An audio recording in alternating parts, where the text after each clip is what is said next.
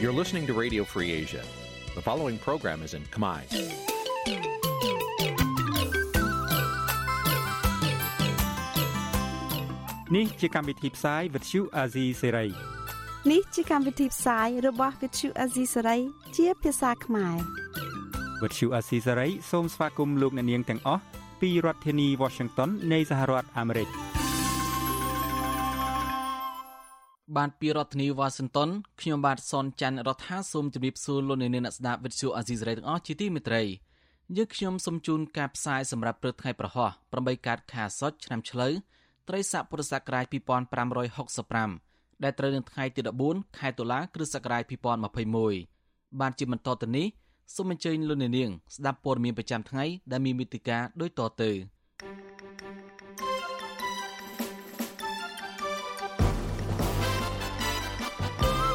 សហភាពអឺរ៉ុបផ្ដល់ជំនួយឥតសំណង17លានដុល្លារដល់កម្ពុជា សម្រាប់អភិវឌ្ឍផ្លូវនៅទីជនបទស្ថានទូតអាមេរិកសម្ដែងកង្វល់ជាថ្មីទៀនចំពោះការវិវត្តចុងក្រោយនៅមូលដ្ឋានកងទ័ពជើងទឹករៀមមន្ត្រីសង្គមស៊ីវិលជំរុញអាជ្ញាធរស៊ើបអង្កេតអ្នកលក់អាវុធខុសច្បាប់ឲ្យជនជាតិចិននៅខេត្តព្រះសីហនុ អ្នកការពារសិទ្ធិមនុស្សនិងអ្នកសារព័ត៌មានស្នើរដ្ឋាភិបាលធ្វើតាមសំណើរបស់អ្នករាយការណ៍ពិសេសអង្គការសហប្រជាជាតិរួមនឹងព័ត៌មានផ្សេងៗមួយចំនួនទៀត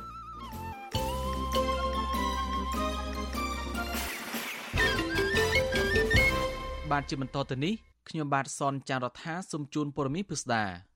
សហភាពអឺរ៉ុបបានផ្ដល់ជំនួយឥតសំណងដល់របបលោកហ៊ុនសែនចំនួន17លានដុល្លារសម្រាប់អភិវឌ្ឍហេដ្ឋារចនាសម្ព័ន្ធផ្លូវថ្នល់នៅទីជនបទ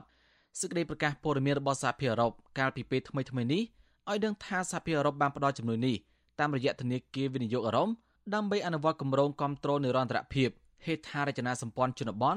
សម្រាប់ទីផ្សារកសិកម្មពាណិជ្ជកម្មហៅកាត់ថាសម្បត្តិនៅកម្ពុជា ប្រធានផ្នែកកិច្ចសហប្រតិបត្តិការនៃប្រតិភូសហភាពអឺរ៉ុបប្រចាំនៅកម្ពុជា លោក Brian Fornery មានប្រសាសន៍នៅក្នុងសេចក្តីថ្លែងការណ៍ថាគម្រោងសម្បត្តិ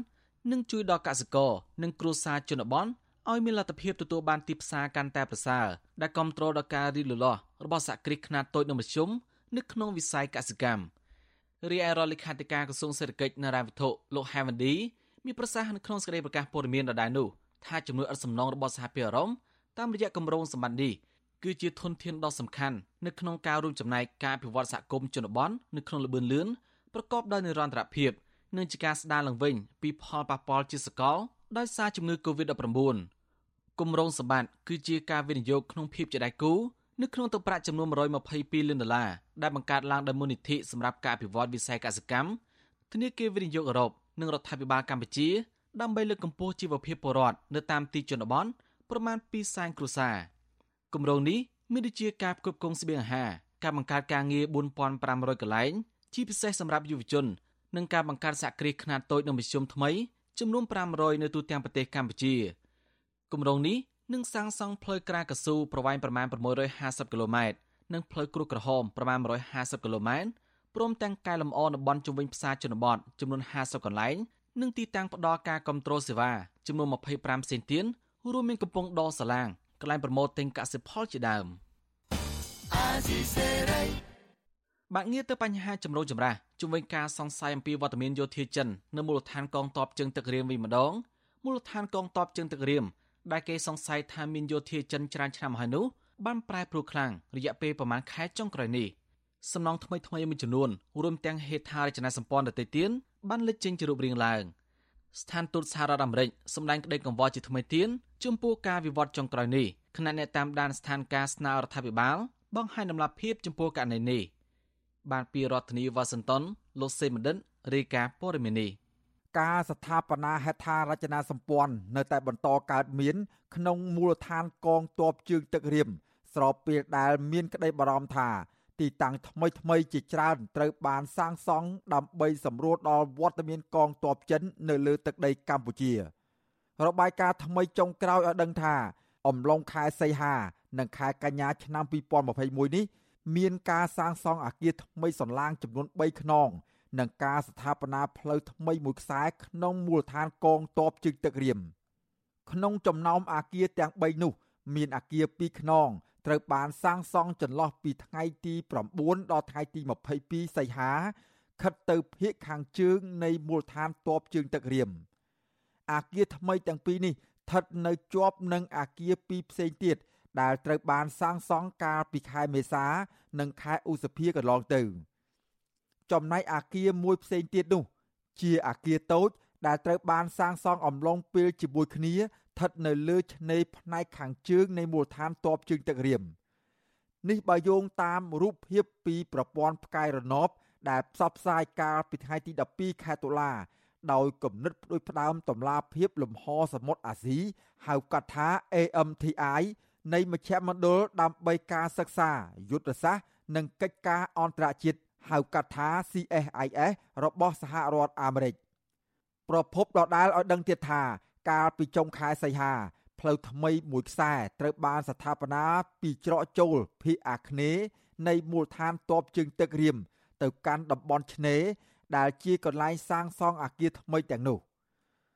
ការស្ថាបនាផ្លូវមួយខ្សែនេះ បានបន្តរហូតដល់ដើមខែតុលាឆ្នាំ2021នេះផ្លូវថ្មីដ៏មានសក្តានុពលមួយនេះ ឆ្លងកាត់ប្រសពគ្នា ជាមួយនឹងផ្ទៃដីដ៏ធំដែលភាគីកម្ពុជា បានឈូសឆាយនិងហុំព័ទ្ធកាលពីឆ្នាំ2019មុនពេលដំណឹងនៃកិច្ចព្រមព្រៀងស្ដីពីការអនុញ្ញាតឲ្យកងទ័ពចិនប្រើប្រាស់មូលដ្ឋានទ័ពជើងទឹករៀមបានផ្ទុះឡើង ក្រៅពីនេះការផ្លាស់ប្ដូរមួយចំនួនទៀតក៏កើតមាននៅក្នុងមូលដ្ឋានទ័ពជើងទឹករៀមអំឡុងខែសីហា និងខែកញ្ញានោះផងដែរ ដូចជាការឈូសឆាយនិងជំរះដើមឈើនិងការជីកប្រឡាយទឹកជាដើមស្ថានទូតសហរដ្ឋអាមេរិកប្រាប់បទសុអសីស្រី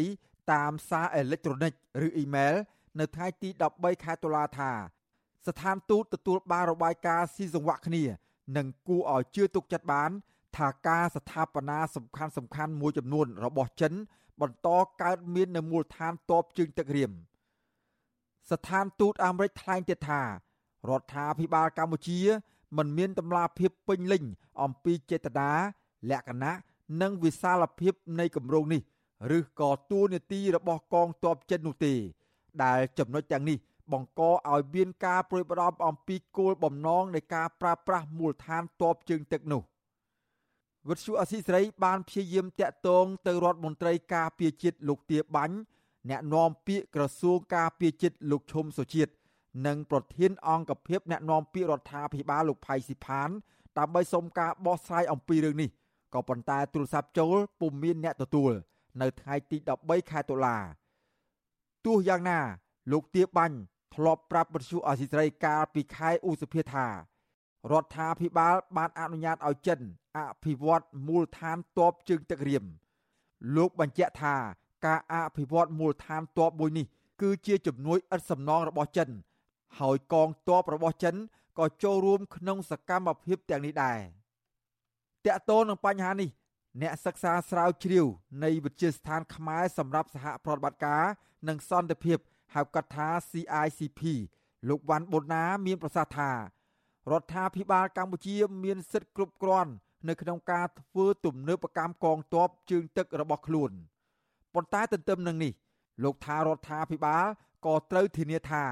នឹងមិនមានវត្តមានកងទ័ពបរទេសលើទឹកដីខ្មែរដែរពីព្រោះនេះជាគ្រោះថ្នាក់សម្រាប់ជាតិនិងប្រះចាករដ្ឋធម្មនុញ្ញអ្នកសិក្សាស្រាវជ្រាវរូបនេះបន្ថែមថាជំរឿសល្អសម្រាប់កម្ពុជា ក្នុងការអភិវឌ្ឍមូលដ្ឋានទ័ពរបស់ខ្លួន គឺការបើកចំហ និងបង្ហាញតម្លាភាព ថាការអភិវឌ្ឍទាំងនោះពិតជាបំរើផលប្រយោជន៍ជាតិមិនមែនបំរើផលប្រយោជន៍បរទេសណាមួយឡើយ។ កុំឲ្យតែយើងនឹងដាក់គម្រោងនឹងចេញទៅសម្រាប់តែតម្រូវចិត្តឲ្យបរទេសណាមួយក្នុងការជួយយើងប៉ុន្តែបើយើងបង្ហាញពីតម្លាភាពសេចក្តីស្មោះត្រង់សុចរិតភាពនៅក្នុងគម្រោងនឹងថាយើងពិតជាចង់ឲ្យគម្រោងអភិវឌ្ឍមូលដ្ឋានទ័ពរបស់កម្ពុជានឹងអភិវឌ្ឍរីចម្រើនមែនហើយយើងត្រូវការភាគីពាក់ព័ន្ធចូលរួមអញ្ចឹងភាគីណាដែលចង់ចូលរួមជួយយើងគេអាចជួយបានហើយយើងក៏អាចដោះខ្លួនយើងពីការដែលយើងជ្រុលខ្លួនទៅពឹងពាក់ហាមណាមួយខ្លាំងពេកផងដែររបបលោកហ៊ុនសែនរងការចោទប្រកាន់ថា បានលួចចុះកិច្ចព្រមព្រៀងសម្ងាត់ជាមួយនឹងប្រទេសចិនកុម្មុយនីសដើម្បីអនុញ្ញាតឲ្យកងទ័ពចិនបោះទីតាំងឈរជើងនៅលើទឹកដីខ្មែរសារព័ត៌មានល្បីឈ្មោះរបស់សហរដ្ឋអាមេរិក The Wall Street Journal បានរាយការណ៍កាលពីខែកក្កដាឆ្នាំ2019ថាកិច្ចព្រមព្រៀងសម្ងាត់នោះ បានអនុញ្ញាតឲ្យកងទ័ពចិនគ្រប់គ្រងកំពង់ផែទ័ពជើងទឹករៀមផ្ដាច់មុខរហូតដល់ទៅ30ឆ្នាំហើយកិច្ចព្រមព្រៀងនេះ អាចបន្តបានរៀងរាល់10ឆ្នាំម្ដង ទាំងរបបក្រុងភ្នំពេញ និងរបបក្រុងប៉េកាំងសុទ្ធតែបានបដិសេធព័ត៌មាននេះប៉ុន្តែរបបទាំងពីរមិនដែលបង្ហាញភ័ស្តុតាង និងព័ត៌មានដែលអាចជឿជាក់បាននោះឡើយជាការពិតរបបលហ៊ុនសែនធ្លាប់បាននាំអ្នកសារព័ត៌មានមួយក្រុមចុះទៅមើលមូលដ្ឋានតបជើងទឹករៀមប៉ុន្តែដំណើរទស្សនកិច្ចនោះ មានរយៈពេលខ្លីនិងមិនទូលំទូលាយឡើយ ក្រោយមកនៅខែមិថុនាឆ្នាំ2021របបលហ៊ុនសែនបានអនុញ្ញាតឲ្យអនុព័ន្ធយោធាអាមេរិកចុះទៅពិនិត្យមូលដ្ឋានទ័ពជើងទឹករៀមនេះដែរប៉ុន្តែមន្ត្រីអាមេរិកបានបញ្ឈប់ដំណើរទស្សនកិច្ចក្នុងរយៈពេលដ៏ខ្លីនៅពេលដឹងថាភាគីកម្ពុជាមិនអនុញ្ញាតឲ្យពិនិត្យគ្រប់កន្លែងមន្ត្រីកម្ពុជាអះអាងថាការមិនអនុញ្ញាតឲ្យអនុព័ន្ធយោធាអាមេរិកទៅពិនិត្យគ្រប់កន្លែងនេះគឺដោយសារខ្លាចប៉ះពាល់ដល់សន្តិសុខជាតិ ជាងនេះទៅទៀតព័ត៌មានស្ដីពីការសាងសង់ហេដ្ឋារចនាសម្ព័ន្ធនានាក្នុងមូលដ្ឋានតបជើងទឹករៀមក្រោមការជួយជ្រោមជ្រែងពីភាគីចិនត្រូវបានរកឃើញ និងផ្សព្វផ្សាយជាបន្តបន្ទាប់ស្ថានទូតសហរដ្ឋអាមេរិកប្រចាំនៅកម្ពុជាគូសបញ្ជាក់ជាថ្មីទៀតថាវត្តមានយោធាបរទេសណាមួយ នៅមូលដ្ឋានតបជើងទឹករៀមនិងប្រឆាំងរដ្ឋធម្មនុញ្ញរបស់កម្ពុជាព្រមទាំងធ្វើឲ្យប៉ះពាល់ដល់សន្តិសុខតំបន់ទាំងមូល ស្ថានទូតដដាលបន្ថែមថាពលរដ្ឋកម្ពុជាមានសិទ្ធិដឹងឮបន្ថែមទៀតអំពីគម្រោងនៅមូលដ្ឋានតបជើងទឹករៀមហើយនឹងបញ្ចេញយោបល់ចំពោះកិច្ចព្រមព្រៀងយោធាប្រភេទនេះពីព្រោះវាមានផលប៉ះពាល់រយៈពេលវែងដល់ប្រទេសកម្ពុជាខ្ញុំបាទសេកបណ្ឌិតវិទ្យុអាស៊ីសេរីពីរដ្ឋធានីវ៉ាស៊ីនតោនបាទងារទៅបញ្ហាជនជាតិចិននៅខេត្តបរសេនុវិញម្ដង ក្រមមន្ត្រីសង្គមស៊ីវិលជំរុញមានការស៊ើបអង្កេតជនជាតិចិនដែលប្រើប្រាស់អាវុធខុសច្បាប់នៅខេត្តបរសេនុហើយស្វែងរកអ្នកផ្ដល់អាវុធនិងអ្នកលក់អាវុធខុសច្បាប់ឲ្យជនជាតិចិនឆ្លើយតបករណីនេះស្នងការនគរបាលខេត្តបរសេនុអះអាងថាសមត្ថកិច្ចបានបង្ក្រាបជនល្មើសប្រើប្រាស់អាវុធខុសច្បាប់ហើយឈានទៅចាប់ខ្លួនអ្នកជួញដូរអាវុធខុសច្បាប់ឲ្យទៅជនជាតិចិនបានពីរដ្ឋធានីវ៉ាស៊ីនតោនអ្នកស្រីសុជីវីរាយការណ៍ព័ត៌មាននេះ ក្រុមអ្នកខ្លំមើលនៅតែសង្កេតឃើញថាការគ្រប់គ្រងជនជាតិចិននៅខេត្តប្រសិទ្ធអនុមិនទាន់បានល្អនៅឡើយទេ ដែលធ្វើឲ្យជនជាតិចិនអាចបាញ់បោះដោយសេរី និងបង្កការព្រួយបារម្ភដល់សង្គមពួកគេស្នើទៅអាជ្ញាធរខេត្តប្រសិទ្ធអនុនិងសមត្ថកិច្ចពាក់ព័ន្ធស្វែងរកមូលហេតុដែលជនជាតិចិនមានអាវុធប្រើប្រាស់និងរកមុខអ្នកផ្ដាល់ឬលក់អាវុធទៅឲ្យក្រុមជនជាតិចិនទាំងនោះអ្នកសម្របសម្រួលសមាគមការពារសិទ្ធិមនុស្សអាត6ប្រចាំខេត្តប្រសិទ្ធនុ អ្នកស្រីជាបសុធារីឲ្យវិទ្យុអាស៊ីសេរីដឹងថាសប្តាហ៍ថ្ងៃជនជាតិចិន នៅតែប្រព្រឹត្តបទល្មើសគ្រឿងញៀនអំពើហិង្សា និងបាញ់បោះជាដើមមន្ត្រីសង្គមស៊ីវិលរូបនេះសង្កេតឃើញថាករណីជនជាតិចិនប្រើប្រាស់អាវុធខុសច្បាប់ទោះករណីខ្លះត្រូវបានសមត្ថកិច្ចបង្ក្រាបក្តីប៉ុន្តែសមត្ថកិច្ចឬអាជ្ញាធរពាក់ព័ន្ធមិនដែលបង្ហាញសាធារណជនពីមូលហេតុដែលជនជាតិចិន មានអាវុធប្រើប្រាស់នោះទេ បើទោះបីជាច្បាប់របស់កម្ពុជាចែងយ៉ាងតឹងរឹងចំពោះការប្រើប្រាស់អាវុធឬកាំភ្លើងក្តីតើពួកគាត់នឹងបានអាវុធពីកន្លែងណាមកហើយបើដឹងថាមានទីផ្សារលក់អាវុធឬក៏មានកន្លែងដែលចង់និយាយថាក្រុមដែលផ្ដល់អាវុធឬក៏មានទីផ្សារធ្វើចរាចរណ៍អាវុធហ្នឹងគួរតែមានការបង្ក្រាបហើយរឹបអូសយកមកអស់មកព្រោះអាវុធហ្នឹងវាវាគ្រោះថ្នាក់ខ្លាំងណាស់វាអាចធ្វើឲ្យមនុស្សស្លាប់បាត់បង់ជីវិត ស្រដៀងគ្នានេះដែរប្រធានមជ្ឈមណ្ឌលប្រជាពលរដ្ឋដើម្បីការអភិវឌ្ឍនៅកម្ពុជាលោកយងកឹមអេងសង្កេតឃើញដែរថាចាប់តាំងពីជនជាតិចិនសម្រុកចូលមកប្រទេសកម្ពុជាមិនត្រឹមតែឃើញជនជាតិចិនប្រើប្រាស់កាំភ្លើងនោះទេ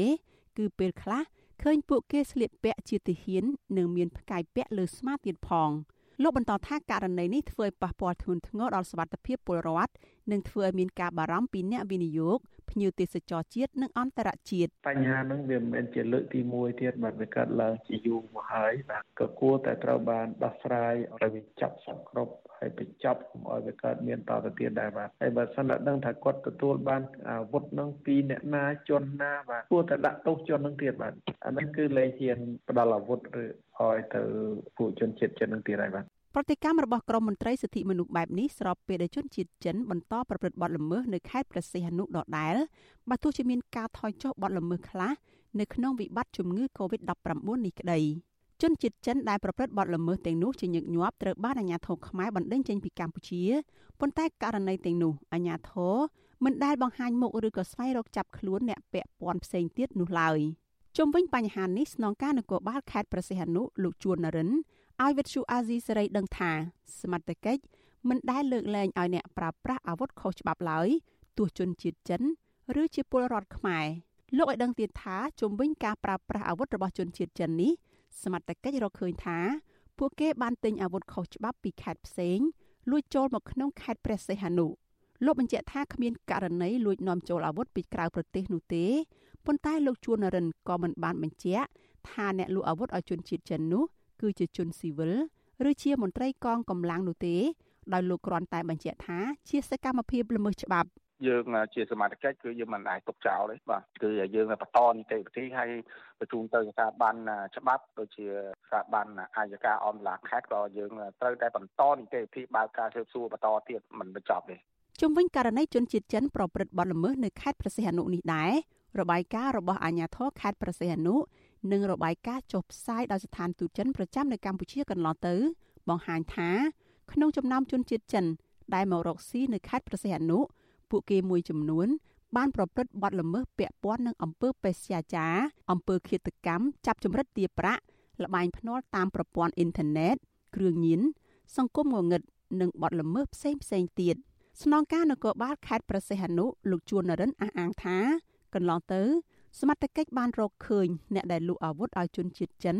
និងបានផ្ដន់ទោសមនុស្សមួយចំនួន ចំណែកករណីខ្លះទៀតសមត្ថកិច្ចកំពុងស្រាវជ្រាវបន្តទៀតនាងខ្ញុំសុជីវី With you Azizi Saray ពីរដ្ឋធានី Washington បាទចំណែកសំណុំរឿងយុវជនកសវណ្ណឆែនៅវិញសាច់ញាតិជនជាប់ឃុំខកចិនចំពោះសាលាដំបងរាជធានីភ្នំពេញដែលបានលើកពេលប្រកាសសារក្រមសំណុំរឿងកូនប្រុសមន្ត្រីបពប្រឆាំងគឺយុវជនកសវណ្ណឆៃដោយគ្មានពេលកំណត់ សាច់ញាតិនិងសង្គមស៊ីវិលយល់ថាការពជាពេលនេះប៉ះពាល់ធ្ងន់ធ្ងរដល់សិទ្ធិសេរីភាពសុខភាពនិងបញ្ញាស្មារតីរបស់នីតិជនកំពុងជាប់ឃុំបាទពីរដ្ឋធានីវ៉ាស៊ីនតោនលោកជាតិចំណានរាយការណ៍ព័ត៌មាននេះចៅក្រមសាលាដំបូងរាជធានីភ្នំពេញមិនបានប្រកាសសារក្រមសំណុំរឿងបទជេរប្រមាថរបស់យុវជនកសវណ្ណឆៃនៅថ្ងៃទី13ខែតុលាដោយការគ្រងទុកនោះទេដោយសំអាងមូលហេតុថាចៅក្រមជាប់រវល់ ម្ដាយរបស់យុវជនកសវណ្ណឆៃគឺលោកស្រីព្រំចន្ទថាមិនពេញចិត្តនឹងការពន្យាពេលនេះទេព្រោះជាការធ្វើឲ្យបាត់បង់ផលប្រយោជន៍អ្នកជាប់ឃុំនិងធ្វើឲ្យប៉ះពាល់ដល់សេរីភាពធ្ងន់ធ្ងររបស់កូនប្រុសលោកស្រីប្រួយបារម្ភថាការបន្តឃុំខ្លួនកូនប្រុសនេះនឹងបណ្ដាលឲ្យស្ថានភាពជំងឺកាន់តែធ្ងន់ធ្ងរស្របពេលដែលយុវជនរូបនេះកំពុងជួបបញ្ហាសុខភាពផ្លូវកាយនិងផ្លូវចិត្តស្រាប់នៅក្នុងពន្ធនាគារ តែខ្ញុំទៅមើលគាត់ឋានភាពគាត់យ៉ាប់យ៉ឺនខ្លាំងមែនតើរមាស់ពេញខ្លួននិយាយទៅបើគ្មានគាត់ចេះខ្មែរគាត់មិនស្រាត់ឲ្យយើងមើលនៅកណ្ដាលវងអញ្ចឹងទេចាស្រាត់ឲ្យយើងមើលហ្មងនិយាយទៅមុខទៅក្រោយហើយគាត់សួរខ្ញុំថាខ្ញុំបានចេញអត់ម៉ាក់ខ្ញុំចង់ចេញទៅនៅមួយមួយយាយម៉ែខ្ញុំដង្ហើមចុងក្រោយចាំតែផ្លូវចៅណាការលើកឡើងនេះក្រោយពេលដែលមេធាវីកាន់ក្រីឲ្យយុវជនកសវណ្ណឆៃគឺលោកសំសុគង្គបានប្រាប់ទៅលោកស្រីព្រំចន្ទថាថាតុលាការពិតជាលើកពេលមែនដោយមូលហេតុជាប់រវល់ប្រជុំវិសុអាស៊ីសេរីមិនអាចសុំការបញ្ជាក់បន្ថែម ពីលោកមេធាវីសំសុគង្គនិងអ្នកនាំពាក្យសាលាដំបូងរាជធានីភ្នំពេញលោកអ៊ីរ៉ានបាននៅឡើយទេនៅថ្ងៃទី13ខែតុលាទោះជាយ៉ាងណាលោកមេធាវីសំសុគង្គធ្លាប់ប្រាប់ថាការពន្យាពេលនីតិវិធីណាមួយសុទ្ធតែប៉ះពាល់ដល់ផលប្រយោជន៍របស់កូនក្តីដែលកំពុងជាប់ឃុំព្រោះពួកគេកំពុងរងចាំការដោះលែងនគរបាលរាជធានីភ្នំពេញបានសម្រុកចូលចាប់យុវជនកសវណ្ណឆៃទាំងយប់កាលពីខែមិថុនាដោយចោទថាបានជេរប្រមាថថ្នាក់ដឹកនាំរដ្ឋាភិបាលតាមបណ្ដាញសង្គម Telegram កាលពីខែសីហា ស្លាប់ដំបូងរាជធានីភ្នំពេញធ្លាប់បដិសេធបណ្ដឹងសុំនៅក្រៅឃុំម្ដងហើយហើយបានលើកសាវនាការយុវជនកសវណ្ណឆៃកាលពីថ្ងៃទី29ខែកញ្ញាដោយចោទពីបទញុះញង់ឲ្យប្រព្រឹត្តបទក្រិតជាអាតនិងប្រមាថមន្ត្រីសាធារណៈពាក់ព័ន្ធនឹងការបញ្ចេញមតិតាមបណ្ដាញសង្គម Telegram យុវជនរូបនេះមានជំងឺខ្សោយបញ្ញាស្មារតីឬ Autism ពីកំណើតគិតត្រឹមថ្ងៃទី13ខែតុលាសមត្ថកិច្ចបានឃុំខ្លួនយុវជនកសវណ្ណឆៃក្នុងពន្ធនាគារជាង100ថ្ងៃហើយគណៈយុវជនរូបនេះ ធ្លាប់ត្រូវបាននគរបាលចាក់អង្រែលើចាប់ឃុំខ្លួនបណ្ដោះអាសន្ននិងត្រូវជន់មិនស្គាល់មុខលួចគប់ក្បាលបណ្ដាលឲ្យរងរបួសម្ដងហើយប៉ុន្តែច្បាប់ស្តីពីយុត្តិធម៌អនិច្ចជន បានចែងថាការចាប់ខ្លួនកុមារឬអនិច្ចជន គួរតែជាជំរើសចុងក្រោយហើយរយៈពេលឃុំខ្លួនបណ្ដោះអាសន្នលើកុមារដែលមានអាយុចន្លោះពី16ឆ្នាំទៅក្រោម18ឆ្នាំអាចធ្វើទៅបានត្រឹម4ខែប៉ុណ្ណោះពាក់ព័ន្ធនឹងការពន្យាលពេលប្រកាសសារក្រមនេះប្រធានផ្នែកកម្មវិធីស្រាវជ្រាវនឹងតស៊ូមតិ នៃសមាគមបណ្ដាញយុវជនកម្ពុជាលោកហេងកំហុងសង្កេតឃើញថាការលើកពេលប្រកាសសារក្រមតែងតែកើតឡើងជារឿយៗដែលជាហេតុបណ្ដាលឲ្យប៉ះពាល់ដល់គោលការណ៍យុទ្ធធរឆាប់រហ័សលោកជំរុញឲ្យតុលាការអនុវត្តនីតិវិធីកុំឲ្យមានភាពខ្វះចន្លោះព្រោះការពន្យាពេលដំណើរការនីតិវិធីណាមួយសិតតែប៉ះពាល់ដល់សិទ្ធិរបស់អ្នកជាប់ឃុំ ជួយបារម្ភណាស់ប្រសិនបើការប្រកាសសាក្រមនោះថាកុមាររូបនេះមានទោសឧទាហរណ៍ថាបែបនេះធ្វើឲ្យគាត់ខ្លាចជាមនុស្សម្នាក់ដែលមានបទអត់ក្នុងពន្ធនាគារក្នុងរយៈពេលយូរដែលធ្វើឲ្យប៉ះពាល់ទៅដល់សតិអារម្មណ៍គណៈគាត់នឹងមានបញ្ហាផ្នែកសតិស្មារតីផងដែលធ្វើគាត់អាចនឹងមានការវិវត្តការធ្ងន់ធ្ងរទៅធ្ងន់ធ្ងរទៅជាមួយគ្នានេះដែរនៅថ្ងៃទី13ខែតុលាសាច់ញាតិរបស់មន្ត្រីបកប្រឆាំងកំពុងជាប់ឃុំម្នាក់ទៀតដែលបានទៅសួរសុខទុក្ខប្តីនៅក្នុងពន្ធនាគារព្រៃសរឬម1 ឲ្យដឹងថាសមាជិកក្រុមប្រឹក្សាជាប់ឆ្នោតស្រុកមេមត់ខេត្តត្បូងឃ្មុំលោកគង់សំអានទ្រុឌទ្រោមសុខភាពខ្លាំងក្រោយពេលដែលជាប់ឃុំជាង1ឆ្នាំមកនេះប្រពន្ធរបស់លោកគង់សំអាងគឺលោកស្រីអៀបសួរឲ្យដឹងថាលោកគង់សំអានកាត់កមរមាស់ពេញខ្លួនដោយយុវជនកសវណ្ណឆៃនិងអ្នកជាប់ឃុំនយោបាយផ្សេងទៀតដែរដោយសារតែការរស់នៅក្នុងបន្ទប់ឃុំឃាំងចង្អៀតណែននិងខ្វះទឹកស្អាតប្រើប្រាស់លោកស្រីស្នើសុំខាងពន្ធនាគារឲ្យរៀបចំទីតាំងឲ្យអ្នកជាប់ឃុំឲ្យបានសមរម្យ និងត្រូវផ្គត់ផ្គង់ទឹកស្អាតឲ្យអ្នកជាប់ឃុំបានប្រើប្រាស់គ្រប់គ្រាន់ផងតឡាការជួយដល់គាត់ចេញទៅទាំងអស់គ្នាគាត់គ្មានធ្វើបាបអីនិយាយអីអីតាំងគេញុះញង់អីគ្មានទេកុំជឿពាក្យទេសិតតែកូនចៅយើងខ្មែរដូចគ្នាសូមមេត្តាជួយដោះលែងគាត់ទៅតឡាការចាប់តាំងពីឆ្នាំ2020មករបបក្រុងភ្នំពេញបង្កើនការចាប់ខ្លួនសកម្មជននយោបាយសកម្មជនសង្គមនិងសកម្មជនបរិស្ថាន ជិត90នាក់ហើយដាក់ពន្ធនាគារដោយសារតែការប្រើប្រាស់សិទ្ធិជាមូលដ្ឋានរបស់ពួកគេសង្គមស៊ីវិលជាតិអន្តរជាតិនិងក្រុមអ្នកជំនាញសិទ្ធិមនុស្សរបស់អង្គការសហប្រជាជាតិបានស្នើយ៉ាងទទូចទៅរដ្ឋាភិបាលឲ្យបញ្ឈប់ការបង្ក្រាបលើសម្លេងរិះគន់និងដោះលែងអ្នកជាប់ឃុំនយោបាយនិងសកម្មជនសិទ្ធិមនុស្សទាំងអស់ឲ្យមានសេរីភាពឡើងវិញខ្ញុំបាទជាចំណាន Visual Assisray ពីរដ្ឋធានី Washington បានលុននាងជាទីមត្រី ក្រមសង្គមស៊ីវិលស្នើរដ្ឋាភិបាលពិចារណាអនុសាសន៍លើកស្ទួយសេរីភាពបញ្ចេញមតិរបស់អ្នកជំនាញសិទ្ធិមនុស្សអង្គការសហប្រជាជាតិការលើកឡើងនេះបន្ទាប់ពីអ្នករាយការណ៍ពិសេសអង្គការសហប្រជាជាតិទទួលបន្ទុកសិទ្ធិមនុស្សប្រចាំកម្ពុជាបានរកឃើញនៅបង្ហាញក្នុងរបាយការណ៍របស់ខ្លួនកាលពីពេលថ្មីថ្មីនេះបានលន់នាងនៅបានស្ដាប់សេចក្តីរាយការណ៍លម្អិតអំពីរឿងនេះនៅពេលបន្តិចទៀតនេះបានសូមអរគុណបានលន់នាងជាទីមត្រី ពលរដ្ឋជា10000នាក់បានទៅចុះឈ្មោះបោះឆ្នោតថ្មីនៅថ្ងៃទី1ដែលគណៈកម្មាធិការជាតិរៀបចំការបោះឆ្នោតឬកោចបបានបើកដំណើរការពិនិត្យបញ្ជីឈ្មោះនិងចុះឈ្មោះបោះឆ្នោតសម្រាប់ឆ្នាំ2021កាលពីថ្ងៃទី12ខែតុលាសេចក្តីប្រកាសព័ត៌មានរបស់កោចបចេញផ្សាយកាលពីថ្ងៃទី13ខែតុលាម្សិលមិញឲ្យដឹងថានៅថ្ងៃដំបូងដំណើរការនេះក្រៅពីមានអ្នកចុះឈ្មោះថ្មីជា10000នាក់ក៏មានអ្នកស្នើកែតម្រូវព័ត៌មានឬទិន្នន័យក្នុងបញ្ជីមានចំនួនជាង2000នាក់ជាមួយគ្នានេះ គោចបបានលុបឈ្មោះអ្នកបោះឆ្នោតចេញពីបញ្ជីបោះឆ្នោតចំនួនជាង3000នាក់ចំណែកអ្នកផ្ទេរលំនៅឋានទៅឃុំសង្កាត់ថ្មីមានចំនួនជាង2000នាក់គោចបអំពាវនាវដល់ប្រជាពលរដ្ឋទាំងអស់ដែលគ្រប់អាយុបោះឆ្នោតឲ្យចូលរួមដំណើរការពិនិត្យបញ្ជីឈ្មោះនិងចុះឈ្មោះបោះឆ្នោតដោយទៅពិនិត្យមើលឈ្មោះក្នុងបញ្ជីបោះឆ្នោតចុងក្រោយដើម្បីស្នើសុំកែព័ត៌មានក្នុងបញ្ជីឈ្មោះនោះប្រសិនបើមានកំហុសជាមួយគ្នានេះគោចបក៏អំពាវនាវដល់ប្រជាពលរដ្ឋដែលទើបគ្រប់អាយុ18ឆ្នាំដែលជាអាយុអាចបោះឆ្នោតបាន ហើយអ្នកដែលមិនធ្លាប់ចុះឈ្មោះពីមុនមកទៅចុះឈ្មោះបោះឆ្នោតបានគ្រប់គ្នាគោចបបើដំណើរការពិនិត្យបញ្ជីឈ្មោះនិងការចុះឈ្មោះបោះឆ្នោតសម្រាប់ឆ្នាំ2021នៅទូទាំងប្រទេសរយៈពេល50ថ្ងៃគិតចាប់ពីថ្ងៃទី12ខែតុលាដល់ថ្ងៃទី30ខែវិច្ឆិកាពលរដ្ឋដែលគ្រប់អាយុចុះឈ្មោះបោះឆ្នោតអាចទៅពិនិត្យបញ្ជីឈ្មោះនិងចុះឈ្មោះបោះឆ្នោតជារៀងរាល់ថ្ងៃរួមទាំងថ្ងៃសៅរ៍និងថ្ងៃអាទិត្យផងដែរគោចបប៉ាន់ស្មានថាអ្នកចុះឈ្មោះបោះឆ្នោតថ្មីសម្រាប់ឆ្នាំ2021មានចំនួនជាង1លាន6សែននាក់ ចំណែកឈ្មោះដែលត្រូវលុបចេញពីបញ្ជីមានចំនួនជាង83000នាក់ចំណែកឯការិយាល័យបោះឆ្នោតវិញមានចំនួនជាង23000ការិយាល័យកម្ពុជាត្រៀមបោះឆ្នោតឃុំសង្កាត់អាណត្តិទី5នៅថ្ងៃទី5ខែមិថុនាឆ្នាំ2022និងការបោះឆ្នោតជ្រើសតាំងតំណាងរាស្ត្រអាណត្តិទី7នៅខែកក្កដាឆ្នាំ2023ខាងមុខសហគមន៍ជាតិនិងអន្តរជាតិនៅតែបន្តជំរុញឲ្យកម្ពុជាបើកលំហសិទ្ធិពលរដ្ឋនិងសិទ្ធិនយោបាយឡើងវិញកែប្រែច្បាប់នានា ពាក់ព័ន្ធនឹងការបោះឆ្នោតកែតម្រង់នឹងធានាឯករាជ្យភាពរបស់ស្ថាប័នជាតិរៀបចំការបោះឆ្នោតនេះឲ្យបានមុនការបោះឆ្នោតខាងមុខ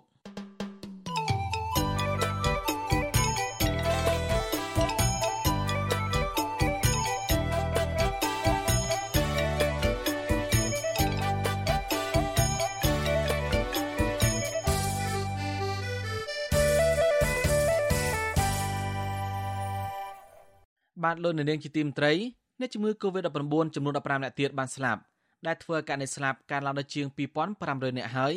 គឺត្រឹមថ្ងៃទី13ខែតុលាចំពោះករណីឆ្លងថ្មីវិញមានចំនួន272នាក់ក្នុងនោះ25នាក់ជាករណីនាំចូលពីក្រៅប្រទេសនេះគឺជាលទ្ធផលបញ្ជាក់ដោយម៉ាស៊ីនពិសោធន៍ PCR រយៈពេលប្រមាណ2សប្តាហ៍មុននេះតួលេខអ្នកឆ្លងថ្មីដែលក្រសួងបានប្រកាសមានជាង200នាក់ក្នុងមួយថ្ងៃក៏ប៉ុន្តែតួលេខនេះមិនរាប់បញ្ចូលពីលទ្ធផលដែលពិនិត្យតាមរយៈឧបករណ៍ធ្វើតេស្តរហ័ស ឬក៏រ៉ាពីតេស្តនោះទេគិតត្រឹមព្រឹកថ្ងៃទី13ខែតុលាកម្ពុជាមានអ្នកកើត COVID-19 មានជាង15000នាក់ក្នុងនោះអ្នកជាសះស្បើយមានជាង19000នាក់ចំពោះការចាក់វ៉ាក់សាំងបង្ការ COVID-19 វិញក្រសួងសុខាភិបាលប្រកាសថាគិតត្រឹមថ្ងៃទី12ខែតុលារដ្ឋាភិបាលបានចាក់ជូនពលរដ្ឋអាយុពី6ឆ្នាំឡើងទៅបានជាង95%ហើយនៅក្នុងចំណោមពលរដ្ឋដែលត្រូវចាក់វ៉ាក់សាំងសរុប14លាននាក់ បានលោកនាងជាទីមត្រីរដ្ឋាភិបាលមានវិធានការអភិរក្សសំណង់អគារបេតិកភណ្ឌគណៈសំណង់អគារសម័យទំនើបកំពុងរីកលូតលាស់រដ្ឋាភិបាលបានចេញសារចរណែនាំមួយកាលពីថ្ងៃពុធទី13ខែតុលាទប់ស្កាត់ការវាយកំទេចនិងបំផ្លាញសំណង់អគារបេតិកភណ្ឌក្រោយពីពិនិត្យឃើញថាសំណង់អគារដែលនៅសេសសល់ពីសម័យមុនប្រឈមទៅនឹងការបាត់បង់ដោយការវាយបំផ្លិចបំផ្លាញការធ្វើឲ្យខូចខាតតាមគ្រប់រូបភាពជាបន្តបន្ទាប់នៅក្នុងតំបន់បេតិកភណ្ឌតាមបណ្ដារាជធានីខេត្តនានាសំណង់ទៅនោះ រួមមានអគារសាសនាផ្សេងៗសំណង់សាធារណៈសំណង់ឯកជនភូមិឋាន និងផ្ទះបុរាណជាដើមយោងទៅតាមច្បាប់ស្តីពីកិច្ចការពារបេតិកភណ្ឌវប្បធម៌ដែលប្រកាសប្រើដល់ប្រជាក្រមចុះថ្ងៃទី25ខែមករាឆ្នាំ1996រដ្ឋាភិបាលបានហាមឃាត់ចំពោះការកែប្រែការបដូររូបរាងខាងក្រៅឬធ្វើខូចខាតសម្ព័ន្ធភាពចំពោះសំណង់នៃតំបន់បេតិកភណ្ឌទីក្រុងទប់ស្កាត់ការវិកំតិចនិងបំផ្លិចបំផ្លាញសំណង់វប្បធម៌ប្រវត្តិសាស្ត្រសំណង់បុរាណនិងសំណង់អគារបេតិកភណ្ឌ ដើម្បីការពារបានគង់វង្ស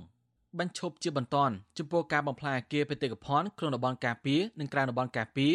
ដោយផ្ដោតលើយុទ្ធសាស្ត្រគោលនយោបាយនិងផែនទីចង្អុលបង្ហាញដើម្បីជំរុញការអភិរក្សនិងការអភិវឌ្ឍទីក្រុងបេតិកភណ្ឌប្រកបដោយនិរន្តរភាព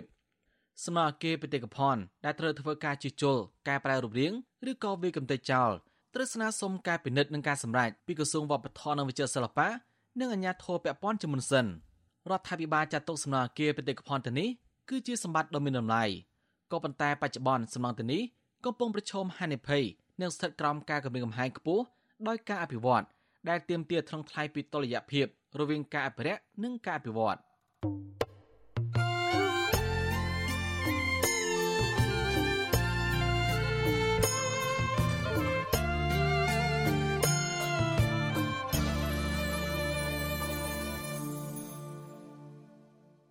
បាទលោកនាងជាទីមត្រី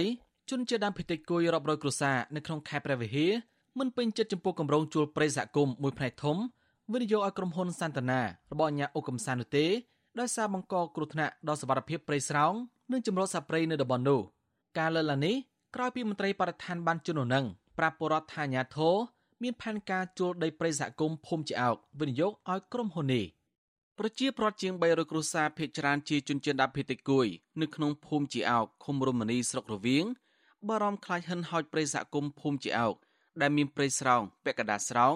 និងដើមឈើកម្រចិត្តផុតពូជជាច្រើនដែលកំពុងប្រឈមរលីហិនហោចទាំងស្រុងប្រសិនបើអាជ្ញាធរមិនបញ្ឈប់គម្រោងវិនិយោគដីព្រៃសហគមន៍ឲ្យក្រុមហ៊ុនសន្តានានោះទេ អ្នកភូមិបន្តថានៅរយៈពេល3សប្តាហ៍ចុងក្រោយនេះដើមឈើធំធំមកកាត់បីទឹកឡើងទៅរាប់ពាន់ដើម ត្រូវបានជលមើលលួចកាប់នៅក្នុងព្រៃសហគមន៍នេះដោយសង្ស័យមានជាប់ពាក់ព័ន្ធនឹងក្រុមហ៊ុនមួយនេះសមាជិកសហគមន៍ភូមិជាអោកលោកជុំជីនឲ្យដឹងនៅថ្ងៃទី13ខែតុលាថាសមាជិកគណៈកម្មការសហគមន៍មួយចំនួនបានត្រូវរើគ្នាជាមួយក្រុមហ៊ុនហើយនឹងមន្ត្រីបរិស្ថានវិនិយោគព្រៃសហគមន៍នៅតំបន់នោះដើម្បីកាប់ឈើធំធំធ្វើអាជីវកម្មលើពីនេះក្រុមហ៊ុនអាជ្ញាធរមិនទាន់បង្ហាញប្លង់វិនិយោគព្រៃនៅតំបន់ណាបានច្បាស់លាស់ទេ ស្រាប់តែមានសកម្មភាពអារំលំឈើធំធំរាប់ពាន់ដើមនៅក្នុងព្រៃសហគមន៍លោកមើលឃើញថាមហិច្ឆតារបស់ក្រុមហ៊ុនអាជ្ញាធរចង់កាប់ដើមឈើធំធំមានតម្លៃប៉ះពាល់កន្លែងអាស្រ័យផលព្រៃឈើយ៉ាងសំខាន់របស់អ្នកភូមិតែវាក៏វាយវាយតែសម្រាប់ទៅគ្នាគេក៏ហើយវាយវាយចាំមកកន្លែងព្រៃធំទៀតក៏ជាបរិបទព្រួយបរំខ្លាចអស់ព្រៃធំធំហ្នឹងណា លោកជុំជាតិបន្ថែមថាព្រៃសហគមន៍ភូមិជាអោកភេកច្រើនសម្បូរដោយព្រៃស្រោងហើយមានដើមឈើកម្រជិតផុតពូជច្រើនរួមមានធ្នង់សុក្រំកកោះគគីផ្ចឹកនិងឈើទាលជាដើម ដែលអ្នកភូមិរួមគ្នាថែទាំជាច្រើនឆ្នាំមកហើយ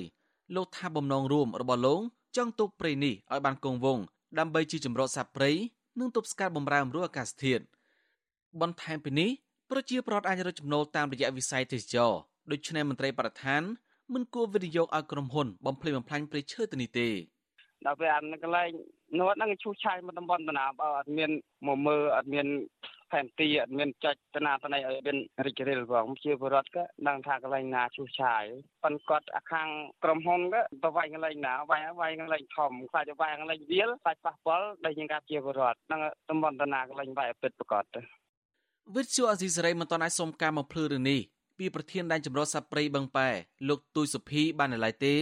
នៅថ្ងៃទី13ខែតុលាដោយសារទូរស័ព្ទហៅចូលច្រើនដងតែគ្មានអ្នកលើកចំណែកម្ចាស់ក្រុមហ៊ុនសន្តានាគឺអង្គញាអុកកំសានក៏មិនទាន់អាចតតងបានដែរដោយឡែកប្រធានមន្ត្រីបរិស្ថានខេត្តព្រះវិហារលោកសុងច័ន្ទសុជាតិវិញបានប្រាប់វិទ្យុអាស៊ីសេរីយ៉ាងខ្លីថាលោកសុំអធិប្បាយតាមរយៈទូរស័ព្ទនោះទេបើទោះបីជាយ៉ាងណាអ្នកភូមិថាកន្លងទៅប្រធានដែនចម្រុះសត្វព្រៃបឹងប៉ែលោកទូចសុភី នៅអនុប្រធានមន្ត្រីបរិស្ថានខេត្តព្រះវិហារលោកមាសញឹមបានប្រាប់ពលរដ្ឋជា100នាក់នៅក្នុងទីស្នាក់ការសហគមន៍ថាអាញាធរនឹងវិនិយោគប្រិយសហគមន៍ភូមិជាអោកនៅតំបន់រិចរិលឲ្យក្រុមហ៊ុនសាន់តាណាអ្នកភូមិចាត់ទុកថាការលើកឡើងនេះគឺជាល្បិចដើម្បីកាប់ឈើលក់ប៉ុណ្ណោះដោយសារប្រិយសហគមន៍នេះគ្មានកន្លែងរិចរិលទេ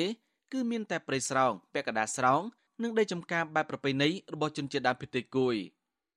ម្ចាស់ក្រុមហ៊ុនសាន់តាណាគឺអញ្ញាអ៊ុកកំសាន ធ្លាប់មានរឿងអាស្រ័យជាច្រើនតាក់ទងនឹងការបំផ្លិចបំផ្លាញធនធានធម្មជាតិក្នុងខេត្តព្រះវិហារនិងខេត្តស្ទឹងត្រែង។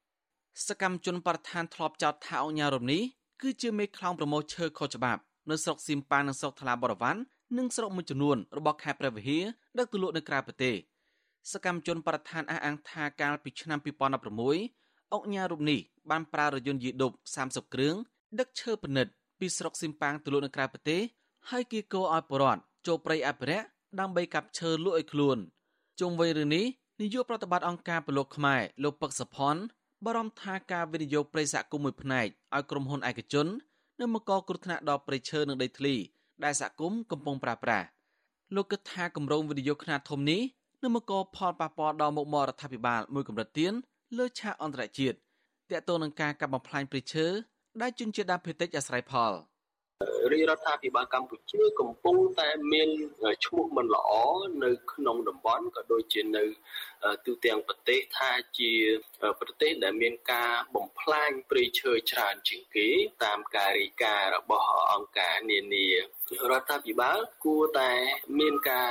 យកចិត្តទុកដាក់ហើយថែរក្សាធនធានធម្មជាតិព្រៃឈើពិសេសព្រៃឈើទាំងអស់នេះសម្រាប់សហគមន៍ហើយក៏សម្រាប់មនុស្សទាំងអស់គ្នាផងដែរបាទ កាលពីដើមខែកញ្ញាកន្លងទៅប្រជាប្រដ្ឋជា100នាក់បានលើកគ្នាតវ៉ាពីថ្ងៃជាប់គ្នានៅតំបន់ព្រៃសហគមន៍ជាអោកដើម្បីទាមទារឲ្យក្រុមហ៊ុនសន្តានារបស់អាញាអុកកំសានបញ្ឈប់សកម្មភាពឈូសឆាយព្រៃសហគមន៍អ្នកភូមិចោទថាក្រុមហ៊ុននេះបានប្រើគ្រឿងចាក់5គ្រឿងឈូសព្រោះរំលំដើមឈើធំធំរាប់ពាន់ដើមនៅក្នុងព្រៃអភិរក្សមួយនេះព្រៃសហគមន៍ភូមិជាអោកឬហៅម្យ៉ាងទៀតថាសហគមន៍តំបន់ការពារធម្មជាតិជាអោកបឹងព្រៃគឺជាផ្នែកមួយនៃដែនចម្រុះសត្វព្រៃបឹងប៉ែ ដែលមានផ្ទៃដីជាង2000ហិកតាប្រិយសហគមន៍នេះបានចុះបញ្ជីទទួលស្គាល់ដោយក្រសួងបរិស្ថាន កាលពីឆ្នាំ2003ដែលស្ថិតក្នុងភូមិជាអោកឃុំរមនីស្រុករវៀងខេត្តព្រះវិហារព្រៃការពារនេះមានសត្វព្រៃកម្រជាច្រើនប្រភេទរស់នៅរួមមានសត្វទន្សោងស្វា ខ្ទីងប្រើក្ងោកនិងជ្រូកព្រៃជាដើម។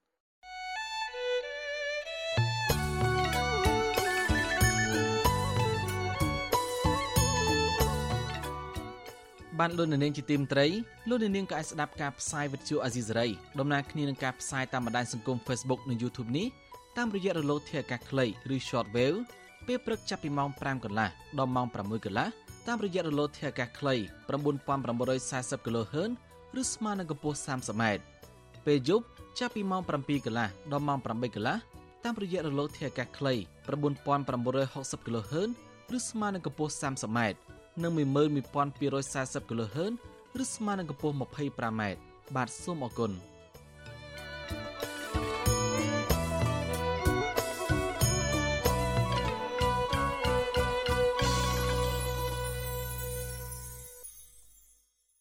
បានលើនៅនាងជាទីមត្រីលោកនាយករដ្ឋមន្ត្រីហ៊ុនសែនលើកឡើងថាបញ្ហាគ្រោះមហន្តរាយដោយធម្មជាតិបានបំផ្លាញអាយុជីវិតមនុស្សនិងទ្រព្យសម្បត្តិពលរដ្ឋស្របពេលដែលកម្ពុជានិងពិភពលោក កំពុងជួបវិបត្តិ COVID-19 សារលិខិតរបស់លោកហ៊ុនសែនក្នុងទិវាជាតិគ្រប់គ្រងគ្រោះមហន្តរាយកាលពីថ្ងៃទី13ខែតុលាម្សិលមិញផ្ដោតទៅលើការបង្កើនការត្រៀមការហានិភ័យគ្រោះមហន្តរាយដើម្បីភូមិឃុំមានសុវត្ថិភាពនិងភាពធន់លោកហ៊ុនសែនផ្សារភ្ជាប់គ្រោះមហន្តរាយដោយធម្មជាតិទៅនឹងបញ្ហារីករាលដាល COVID-19 និងមេរោគបំផ្លែងថ្មីខណៈដែលកម្ពុជាកំពុងប្រយុទ្ធប្រឆាំងលោកហ៊ុនសែនបានផ្លេចជំរុញឲ្យប្រជាពលរដ្ឋទៅចាក់វ៉ាក់សាំងឲ្យបានគ្រប់គ្នាដើម្បីបង្កើនភាពស៊ាំ ជាផុតពីគ្រោះមហន្តរាយនៃការរាតត្បាត COVID-19 លោកជំរុញឲ្យស្ថាប័នពាក់ព័ន្ធត្រៀមបង្ការហានិភ័យនិងកាត់បន្ថយគ្រោះមហន្តរាយដើម្បីឆ្លើយតបមកសញ្ញាគ្រោះថ្នាក់ផ្សេងៗពាក់ព័ន្ធទៅនឹងការប្រែប្រួលអាកាសធាតុជាពិសេសជួយដល់ប្រជាក្រីក្រនិងងាយរងគ្រោះលោកក៏ជំរុញឲ្យប្រកាន់វប្បធម៌ចែករំលែកដោយឈលលើស្មារតីជួយគ្នាទៅវិញទៅមកសហការគ្នាបន្ថែមទៀតជាមួយរដ្ឋាភិបាលនៅក្នុងការអភិវឌ្ឍសង្គមជាតិនិងជួយរំលែកទុលំបាកពលរដ្ឋដែលងាយរងគ្រោះ ក៏ប៉ុន្តែរាល់ពេលចុះជួយដល់ពលរដ្ឋដែលរងគ្រោះដោយធម្មជាតិស្ថាប័នសំខាន់គឺកាកបាទក្រហមកម្ពុជានិងស្ថាប័នអាជ្ញាធររដ្ឋាភិបាលតែរងការរិះគន់ថាចែកជំនួយប្រកាន់បកពួកនៅនៃការគណៈបកនយោបាយគ្មាននរណាភៀមហើយមិនបានចែកដល់ប្ររងគ្រោះពិតប្រាកដសារលិខិតដដែលឲ្យដឹងថាក្នុងឆ្នាំនេះក៏ដូចជាឆ្នាំ2020កន្លងទៅដែរបន្ថែមលើ COVID-19 គ្រោះមហន្តរាយដ៏ធម្មជាតិបានបំផ្លាញអាយុជីវិតមនុស្សទ្រព្យសម្បត្តិដូចជាខ្យល់កន្ត្រាក់ទឹកជំនន់រន្ទះបាញ់ បាក់ច្រាំងទន្លេរាំងស្ងួតជំងឺឆ្លងនិងគ្រោះមហន្តរាយដល់អគ្គិភ័យជាដើមបានកើតឡើងស្ទើរទូទាំងប្រទេស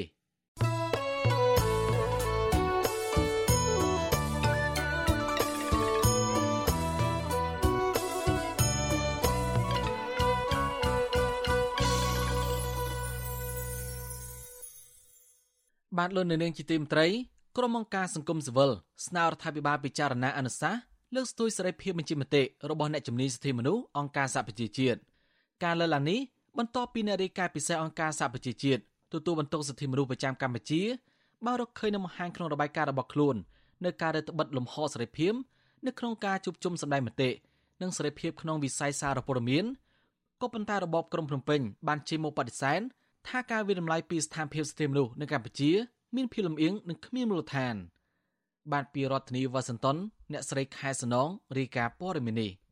អ្នកធ្វើការផ្នែកសិទ្ធិមនុស្សអ្នកសារព័ត៌មានឯករាជ្យនិងអ្នកតស៊ូមតិក្នុងស្រុកសម្ដែងក្តីបារម្ភចំពោះការបដិសេធរបស់រដ្ឋាភិបាលទៅលើការរកឃើញរបស់អ្នករាយការណ៍ពិសេសអង្គការសហប្រជាជាតិ ពួកគេថាការដែលរដ្ឋាភិបាលមិនទទួលស្គាល់ទង្វើរឹតបន្តឹងរបស់ខ្លួននឹងធ្វើឲ្យសិទ្ធិសេរីភាពសម្ដែងមតិរបស់ពលរដ្ឋខ្លួនឯងធ្លាក់ចុះកាន់តែខ្លាំងនាំឲ្យប៉ះពាល់ដល់ការរីកចម្រើននៃប្រទេសជាតិប្រធានសមាគមការពារសិទ្ធិមនុស្សអាត់ហុកលោកនីសុខាមានប្រសាសន៍ថាយោងតាមការសង្កេតកន្លងមកការចាប់ចងនិងការរដ្ឋបတ်សិទ្ធិសេរីភាពជាមូលដ្ឋានរបស់ពលរដ្ឋគឺបានផ្សារភ្ជាប់ទៅលើបរិយាកាសនិងកម្ដៅនយោបាយ លោកថាដើម្បីឲ្យស្ថានភាពនេះបានធូរស្រាលគឺមានតែអ្នកនយោបាយគណៈបកកាន់អំណាចនិងគណៈបកប្រឆាំងដែលមានសម្លេងគាំទ្រច្រើនងាកមករកតុកចរចា និងការត្រូវរើគ្នាឡើងវិញ។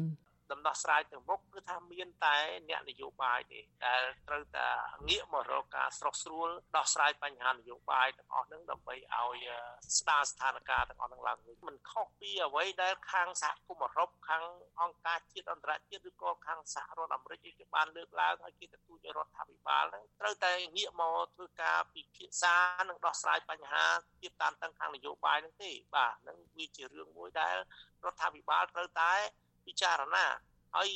ប៉ុន្តែកន្លងទៅគាត់ថាទោះបីមានរបាយការណ៍ចេញមកយ៉ាងម៉េចក៏ដោយប៉ុន្តែខាងរដ្ឋាភិបាលនៅតែព្យាយាមក្នុងការបដិសេធរហូតបាទនៅក្នុងរឿងហ្នឹងណាហើយខ្ញុំក៏គិតថាការបដិសេធរបស់រដ្ឋាភិបាលហ្នឹងមិនមែនជាការចំណេញអីមកដល់ប្រទេសជាតិឬក៏មកដល់ប្រជាពលរដ្ឋទៀតទេបាទការលើកឡើងរបស់មន្ត្រីអង្គការសិទ្ធិមនុស្សនេះធ្វើឡើងបន្ទាប់ពីគណៈកម្មាធិការសិទ្ធិមនុស្សកម្ពុជារបស់រដ្ឋាភិបាលបានចេញប្រតិកម្មតបភ្លាមៗ ថាអ្នករាយការណ៍ពិសេសរបស់អង្គការសហប្រជាជាតិទទួលបន្ទុកសិទ្ធិមនុស្សប្រចាំកម្ពុជា លោកវីតិតមុនតបនវាយតម្លៃអំពីស្ថានភាពសិទ្ធិមនុស្សនៅកម្ពុជា មានភាពលំអៀងនិងគ្មានមូលដ្ឋាន លោកវីតិតមុនតបនប្រមាននៅក្នុងសេចក្តីថ្លែងការណ៍កាលពីថ្ងៃទី6ខែតុលាពីទីក្រុងហ្សឺណែវប្រទេសស្វីសទៅកាន់សម័យប្រជុំលើកទី48របស់ក្រុមប្រឹក្សាសិទ្ធិមនុស្សអង្គការសហប្រជាជាតិថាកម្ពុជាកំពុងដើរថយក្រោយងាកចេញពីកន្លងប្រជាធិបតេយ្យមន្ត្រីរដ្ឋាភិបាលបានចេញបដិសេធជាហោហែដោយចោទប្រកាន់ថារបាយការណ៍របស់អ្នកជំនាញសិទ្ធិមនុស្សរូបនេះមានចេតនានយោបាយនិងជាការជ្រៀតជ្រែកកិច្ចការផ្ទៃក្នុងរបស់កម្ពុជា។ លោកវីតិតមុនតបនលើកឡើងថាសេរីភាពជាមូលដ្ឋាន ដែលរួមមានសិទ្ធិសេរីភាពការជួបជុំសម្ដែងមតិនិងសេរីភាពសារព័ត៌មានរួមទាំងសេរីភាពអង្គការសមាគមដែលជាសសរស្តម្ភនិងជាឆ្អឹងខ្នងនៃប្រជាធិបតេយ្យតាក់ទងទៅនឹងការអនុវត្តសិទ្ធិនយោបាយនោះកំពុងរងការរឹតបន្តឹងលោកអំពីវនាយរដ្ឋាភិបាលកម្ពុជាងាកមករកផ្លូវត្រូវនៃកន្លងប្រជាធិបតេយ្យវិញដោយត្រូវបើកសិទ្ធិសេរីភាពជូនប្រជាពលរដ្ឋនិងស្ដារប្រជាធិបតេយ្យមកវិញ លោកថាសេរីភាពក្នុងការបញ្ចេញមតិគឺជាបញ្ហាធំមួយនៅក្នុងអំឡុងវិបត្តិជំងឺ Covid-19 ដោយអាជ្ញាធររដ្ឋបានប្រើប្រាស់ពាក្យពេចន៍នៅក្នុងច្បាប់ឬវិធានការបង្ការប្រយុទ្ធប្រឆាំងជំងឺ Covid-19 ដែលមានការរឹតបន្តឹងខ្លាំងដល់ការគោរពសិទ្ធិមនុស្សរហូតមកដល់ពេលនេះ មានមនុស្សរាប់រយនាក់ត្រូវបានអាជ្ញាធររដ្ឋពិន័យឃាត់ខ្លួន និងចាប់ដាក់ពន្ធនាគារក្រោមការអនុវត្តច្បាប់នេះភាពធ្ងន់ធ្ងរនៃច្បាប់នេះដែរនោះ គឺកំណត់ទោសទណ្ឌជាប់ពន្ធនាគារអាចរហូតដល់20ឆ្នាំដោយសារតែការមិនគោរពតាមវិធានរដ្ឋបាលលោកសង្កត់ធ្ងន់ថាការចាប់ខ្លួនពលរដ្ឋដែលហ៊ាននិយាយរិះគន់រឿង COVID-19 នេះធ្វើឲ្យប៉ះពាល់ដល់សេរីភាពក្នុងការបញ្ចេញមតិធ្វើឲ្យប្រជាពលរដ្ឋរឹតបន្តឹងខ្លួនឯងនិងការបញ្ចេញមតិត្រូវគេតាមដានរីឯការជួបប្រជុំសម្ដែងមតិក៏ត្រូវរារាំងមិនអាចអនុវត្តបាន ជារៀងរាល់លើកក្រមស្ត្រីសាច់ញាតិមន្ត្រីនិងសកម្មជនគណៈបកប្រឆាំង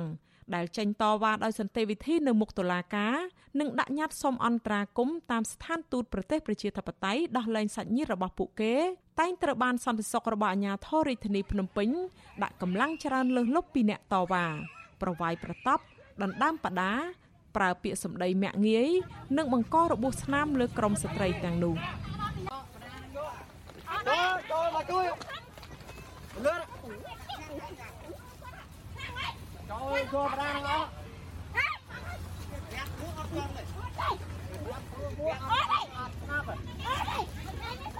ត្រង់ចំណុចនេះគណៈកម្មាធិការសិទ្ធិមនុស្សកម្ពុជារបស់រដ្ឋាភិបាលតែងចេញមុខការពីការបង្ក្រាបដោយបកស្រាយថាការជួបជុំតវ៉ាដោយមិនបានជូនដំណឹង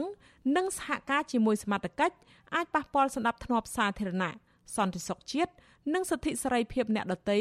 ព្រមទាំងជាការដាក់សម្ពាធដល់ស្ថាប័នតុលាការឯករាជ្យទៀតផងក្រមស្ត្រីតវ៉ាថ្ងៃសុកលោកស្រីព្រំចន្ទថាប្រពន្ធមន្ត្រីគណៈបកសង្គ្រោះជាតិដែលមានកូននិងប្តីកំពុងជាប់ពន្ធនាគារតែងចេញដាក់ញត្តិជាមួយក្រមស្ត្រីនិងកូនកូនសកម្មជនប្រមាណ10នាក់លោកស្រីទទួលស្គាល់ថាពិតណាស់ពួកគាត់ចេញរកកិច្ចអន្តរាគមន៍ដើម្បីដាក់សម្ពាធដល់ស្ថាប័នតុលាការព្រោះតែស្ថាប័នមួយនេះគ្មានភាពឯករាជ្យ មិនបានបំពេញកាតព្វកិច្ចរបស់ខ្លួន ក្នុងការជ្រងទងយុត្តិធម៌ជូនពលរដ្ឋស្លូតត្រង់ដោយមានកំណត់ក្នុងរដ្ឋធម្មនុញ្ញតែបែរជាធ្វើការកាត់ទោសតាមការចង់បានរបស់អ្នកមានអំណាចនិងអ្នកនយោបាយ។ ខ្ញុំនៅតស៊ូរហូតខ្ញុំមិនដកថយទេដោយសារខ្ញុំមិនខ្វល់ដូចសម្ដីពួកគាត់ទេបើសិនជាយើងមិនចេញតវ៉ាបើសិនជាយើងនៅឲ្យគាត់នៅគ្រប់ដណ្ដប់លើពួកយើងទៀតអាហ្នឹងហិតតែគាត់កាន់ន័យថាជន់កាន់តែខ្លាំងប្តីយើងជាប់គុកដោយអត់អំពើកូនយើងជាប់គុកដោយអត់អំពើដោយសារអត់មានកំហុសសោះហើយបើគាត់ដាក់គុកដាក់តន់ទោសកូននិងប្តីពួកយើងទាំងអស់គ្នាហ្នឹងហើយបើពួកយើងមិនចេញតវ៉ាទៀតវាហាក់បីដូចថាទទួលស្គាល់ថានេះជាកំហុសរបស់ប្តីពួកយើងមែនហើយពួកយើងក្បត់ជាតិមែនគាត់ទៀតនោះអីបានម្ដងបើខ្ញុំមិនចេញតវ៉ាទេពិភពលោកគេមិនដឹងឬក៏ជាអន្តរជាតិគេមិនដឹងថាវារងគ្រោះគាត់គាត់មែនអញ្ចឹងបានន័យថាទទួលស្គាល់ថាអរគុណសន្តិភាពមែនបើអត់មានសន្តិភាពសម្រាប់ពួកខ្ញុំផងហ្នឹងទៅអរគុណសន្តិភាពរបៀបម៉េចអរគុណសន្តិភាពអូនណាទៅសន្តិភាពផ្លូវចិត្តនិងផ្លូវកាយហើយនេះអត់មានអរគុណសន្តិភាពស្អីទៀតបើអត់មានផ្លូវចិត្តផ្លូវកាយសន្តិភាពផងអញ្ចឹងអត់សុខចិត្តទេភ្ជាប់ទៅនឹងសេរីភាពសម្ដែងមតិនិងវិស័យសារព័ត៌មានវិញអ្នករាយការណ៍ពិសេសរបស់អង្គការសហប្រជាជាតិទទួលបន្ទុកសិទ្ធិមនុស្សប្រចាំកម្ពុជាក៏បានរំលេចឡើងដែរថា សេរីភាពសារព័ត៌មានក៏រងការប៉ះពាល់ដែរដោយសារតែកម្ពុជាមានភាពស្រពេចស្រពិលនិងភាពមិនច្បាស់លាស់ច្រើនតាក់ទងទៅនឹងការចែងច្បាប់នានាដែលប៉ះពាល់ដល់ការលើកស្ទួយប្រជាធិបតេយ្យជាឧទាហរណ៍កន្លងមកអ្នកហ៊ាននិយាយពាក់ព័ន្ធដល់រឿងជំងឺ Covid-19 ត្រូវបានចាប់ខ្លួនដាក់គុកហើយតំបន់ក្រហមឬតំបន់បិទគប់ត្រូវបានហាមឃាត់មិនឲ្យអ្នកសារព័ត៌មានចូលយកព័ត៌មានខណៈអ្នកប្រើប្រាស់សេរីភាពបញ្ចេញមតិលើបណ្ដាញសង្គមក៏រងការរឹតបន្តឹង គំរាមកំហែងនិងចាប់ខ្លួនលោកថាបើទោះបីជានៅប្រទេសកម្ពុជាប្រព័ន្ធផ្សព្វផ្សាយមានបរិមាណច្រើនសន្ធឹកសន្ធាប់តែនៅខ្វះគុណភាពនាយកប្រតិបត្តិនៃសម្ព័ន្ធអ្នកសារព័ត៌មានកម្ពុជាកម្ពុជាលោកណូវីថ្លែងថាការឆ្លើយតបរបស់រដ្ឋាភិបាល ថាចំនួនប្រព័ន្ធផ្សព្វផ្សាយជិត2000ស្ថាប័នកំពុងដំណើរការដោយសេរីនោះ លោកឃើញថាក្នុងចំនួននោះពុំមានភាពចម្រុះនៃប្រព័ន្ធផ្សព្វផ្សាយឯករាជ្យនិងប្រព័ន្ធផ្សព្វផ្សាយដែលមាននិន្នាការគណៈបកនយោបាយនានាដែលអាចធ្វើកិច្ចការបានដោយសេរីឬមានវត្តមាននៅក្នុងស្រុកឡើយពីព្រោះពួកគេនៅបំពេញការងាររបស់ខ្លួនក្នុងស្ថានភាពលំបាករងការគំរាមកំហែងនិងរដ្ឋបတ်ពីសំណាក់អាជ្ញាធរមានសមត្ថកិច្ច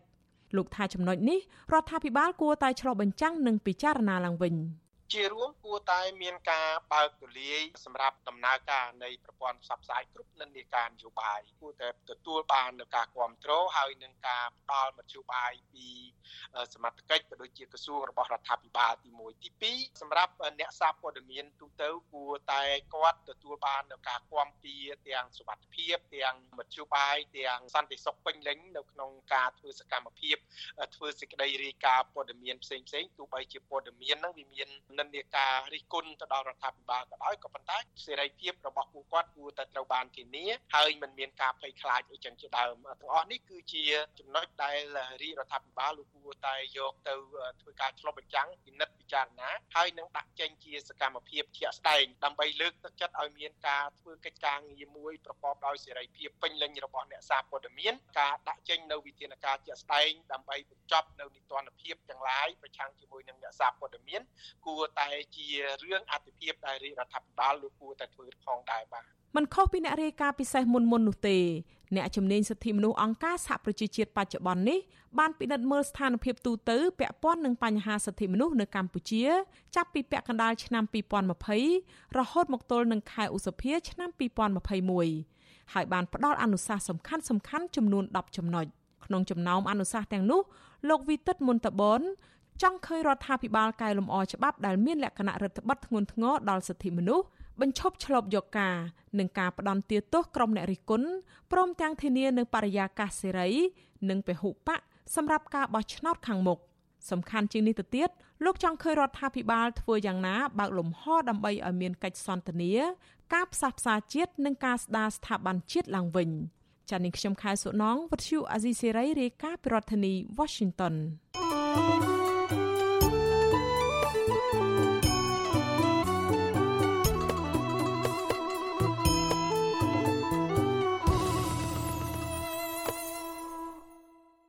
បាទលោកនាងជាទីមន្ត្រីមន្ត្រីសហជីពឯករាជ្យសង្ស័យថាបលល្បែងស៊ីសងអនឡាញរបស់ចិនឈ្មោះ The Century អាចមានចេតនាចង់ដោះដៃពីការទទួលខុសត្រូវរបស់ខ្លួនចំពោះបុគ្គលិកដែលបានឆ្លង COVID-19 និងស្លាប់នៅកន្លែងធ្វើការទើបតម្រូវឲ្យបុគ្គលិកដាក់ពីលេឈប់ពីការងារដោយសន្យាថាមិនតវ៉ាឬក៏បង្កបញ្ហាអ្វីទាំងអស់ដល់ក្រុមហ៊ុននេះបាទពីរដ្ឋធានីវ៉ាស៊ីនតោនលោកមួនរ៉េតរាយការណ៍ព័ត៌មាននេះ រឿងរ៉ាវនៅទីក្រុងប្រស័យអនុពាក់ព័ន្ធនឹងថកែចិនដែលបើកបនលបែងស៊ីសងអនឡាញឈ្មោះ Thedison Cherry ទាំងខុសច្បាប់និងករណីបង្ខាំងបុគ្គលិករាប់ឆ្នាំ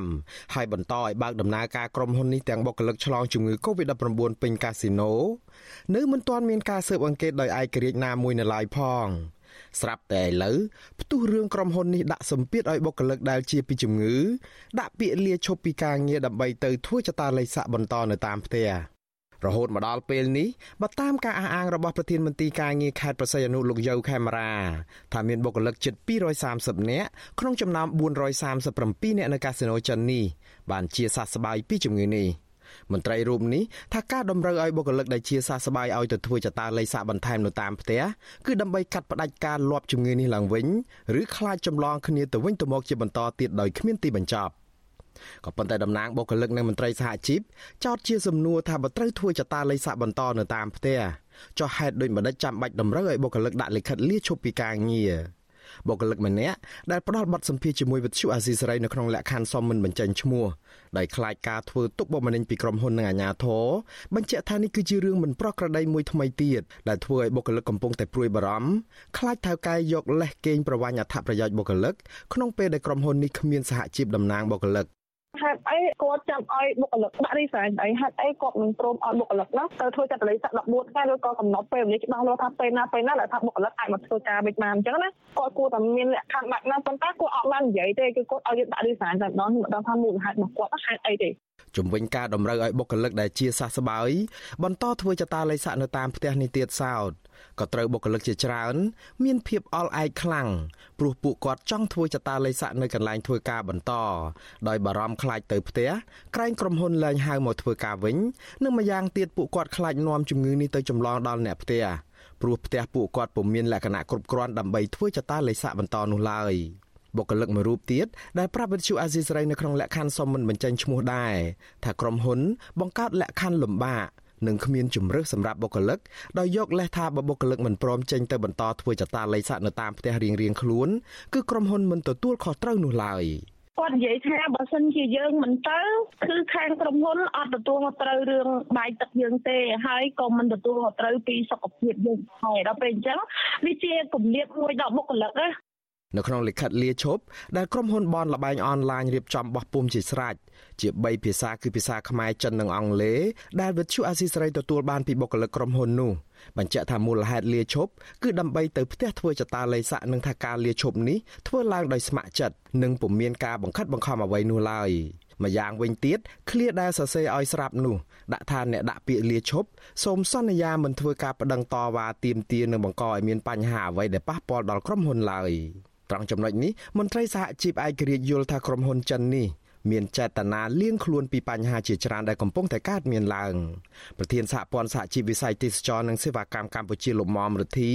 សោកស្ដាយដែលបញ្ហានេះកើតឡើងនៅក្បែរក្លៀកមន្ទីរក្រសួងកាងារខេត្តក៏ប៉ុន្តែបែរជាបណ្ដោយឲ្យរឿងនេះកើតឡើងទៅរួច វាបង្ហាញពីការមិនយកចិត្តទុកដាក់របស់ថ្នាក់ដឹកនាំក្រុមហ៊ុននិងមន្ទីរការងារនៅពេលដែលបន្ទាប់ពីទៅធ្វើចាត់តលេខស័កនេះតែយើងត្រូវធ្វើយ៉ាងម៉េចប៉ុន្តែមកដល់ថ្ងៃនេះក្រុមហ៊ុនអត់ទាន់បានបង្ហាញពីគុំចំហថាបិទក្រុមហ៊ុនឬក៏ព្យួរការងារបដោះសន្នទេគឺមានតែគោលចំហពីរឯគឺទី1យើងឃើញតែតិចនិចនិយាយពីធ្វើចាត់តលេខស័កនឹងផ្ទះហើយនឹងឲ្យឲ្យពាក្យ resign តែប៉ុណ្្នឹងឯង ការបង្ខំឲ្យបុគ្គលិកដាក់ពាក្យលាឈប់ក្រោមលេសថាទៅផ្ទះដើម្បីធ្វើចតាល័យស័កបន្តនេះធ្វើឲ្យបុគ្គលិកអាចបាត់បង់អត្ថប្រយោជន៍ការងារជាច្រើនរួមទាំងប្រាក់អតីតភាពដែលក្រុមហ៊ុននេះមិនបើកឲ្យរាប់ឆ្នាំមកហើយផង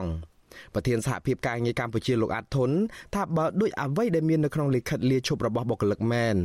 មានន័យថាក្រុមហ៊ុនមិនចង់ទទួលស្គាល់បុគ្គលិកទាំងនោះនិងកិច្ចពីការទទួលខុសត្រូវនៅក្នុងការផ្ដល់សំណងនិងអតីតភាពការងាររបស់បុគ្គលិក បើគាត់ធ្វើចង់បានមានអ្នកស្រួលខ្លួនហ្មងគឺថារឿងកូវីដមិនទាន់ដោះស្រាយចប់រឿងស្លាប់មិនទាន់ដោះស្រាយចប់ស្រាប់តែគាត់ឲ្យកម្មករឈប់ឈប់ហើយគាត់ហ្នឹងគាត់លែងដឹងឯងកម្មករឈប់អស់ហើយនៅក្នុងលិខិតឈប់នឹងទៀតគឺនៅក្នុងហ្នឹងគឺបានបញ្ជាក់ថាលាឈប់អត់មានប្តឹងផ្ដាល់អីតទៅទៀតអញ្ចឹងមានន័យថាវាអាចនឹងមានចេតនាមិនល្អនៅក្នុងលិខិតហ្នឹងដែរបុគ្គលិកជាច្រើនដែលបានជ្រុលខ្លួនដាក់លិខិតលាឈប់ដោយខ្វះព័ត៌មានគ្រប់គ្រាន់ព្រោះខ្វះសហជីពតំណាងនៅក្នុងការពិគ្រោះយោបល់ផ្លូវច្បាប់ បានសុំទៅដកលិខិតទាំងនោះមកវិញក៏ប៉ុន្តែបុគ្គលិកអះអាងប្រាប់វិទ្យុអាស៊ីសេរីថាខាងតំណាងក្រុមហ៊ុនមិនអោយលិខិតទាំងនោះវិញទេដោយយកលេសថាច្រឡំដៃដាក់ត្រង់ណារកមិនឃើញវិទ្យុអាស៊ីសេរីបានព្យាយាមតាក់ទងអ្នកគ្រប់គ្រងផ្នែកធនធានមនុស្សរបស់បនលបែងអនឡាញ The Century នេះគឺលោកសសំណាងជាច្រើនលើកដើម្បីសុំការបំភ្លឺជំរឿងនេះដែរក៏ប៉ុន្តែលោកមិនលើកទូរស័ព្ទ រីឯប្រធានមន្ទីរការងារនិងបណ្ដុះបណ្ដាលវិជ្ជាជីវៈខេត្តបរសៃអនុលោកយៅខេមរាលោកទទួលស្គាល់ថាលោកពិតជាបានប្រាប់ឲ្យបុគ្គលិកទៅបន្តធ្វើចតាល័យស័កតាមផ្ទះមែនក៏ប៉ុន្តែមិនមែនតម្រូវឲ្យបុគ្គលិកដាក់លិខិតលាឈប់ពីការងារនោះទេ យោងតាមពញាបណ្ឌបត្តិដែលចេញដោយមន្ទីរសុខាភិបាលយោងតាមបទបញ្ជាណែនាំឲ្យដំអភិបាលខេត្តទៅថាតម្រូវឲ្យគាត់ពាក់សាជានឹងទៅបន្តចាត់វិសានៅផ្ទះដោយខ្លួនរយៈពេល14ថ្ងៃហើយក្នុងនោះ14ថ្ងៃហ្នឹងយោងតាមគោលការណ៍ណែនាំរបស់ក្រសួងកាងារទៅថាគាត់ត្រូវបានបើកាលណាគាត់ចាត់វិសាដោយអាជ្ញាធរកំណត់អញ្ចឹងគាត់នឹងត្រូវទទួលបានប្រាក់ឈ្នួល7ថ្ងៃមានន័យថា50% លោកយៅខេមរាអះអាងថាខាងមន្ទីរការងារខេត្តបានចុះធ្វើអធិការកិច្ចជាច្រើនដងនៅកាស៊ីណូ The Century នេះក៏ប៉ុន្តែនៅពេលដែលវិទ្យុអាស៊ីសេរីសួរលោកថាពេលដែលចុះធ្វើអធិការកិច្ចនោះតើខាងមន្ទីរការងារបានដឹងថាក្រុមហ៊ុនចិននេះបើកបនលបែងស៊ីសងអនឡាញខុសច្បាប់និងបន្តបើកដំណើរការទាំងបុគ្គលិកឆ្លងជំងឺពេញកាស៊ីណូដែរឬទេលោកស្នើឲ្យវិទ្យុអាស៊ីសេរីសួរអ្នកផ្សេងទៅវិញ អានេះទៅសួរអាជ្ញាធរទៅក្រសួងការងារមិនពាក់ព័ន្ធនឹងការត្រួតពិនិត្យភាពស្របច្បាប់អីរបស់អនឡាញឬកាស៊ីណូនោះទេខ្ញុំក៏ត្រួតពិនិត្យតែលក្ខខណ្ឌ OSA ទេសម្រាប់ក្នុងរយៈចុងក្រោយនោះគឺណែនាំឲ្យគាត់អនុវត្តវិធានការអនាម័យវិធានការសុខាភិបាលឲ្យបំពាក់ឧបករណ៍សម្ភារៈលាងដៃបាញ់អកលលើកដៃលើដងខ្លួននៅឡាក់ឡាក់ទីរួមគឺលក្ខខណ្ឌ OSA occupational safety and health នឹងយើងចុះបាន1200លើកនោះ វត្តជូអាស៊ីសេរីព្យាយាមតាក់ទងណែនាំពាក្យសាលាខេត្តប្រសិទ្ធអនុលោកខៀងភិរមដើម្បីបំភ្លឺជំរឿងនេះដែរក៏ប៉ុន្តែទូរស័ព្ទចូលជាច្រើនដងពុំមានអ្នកលើកឥឡូវបុគ្គលិកជាច្រើនបានជ្រុលខ្លួនដាក់ពាក្យលាឈប់នឹងមួយចំនួនទៀតបានទៅផ្ទះអស់ទៅហើយទាំងមិនទាន់មានចម្លើយនឹងដំណោះស្រាយ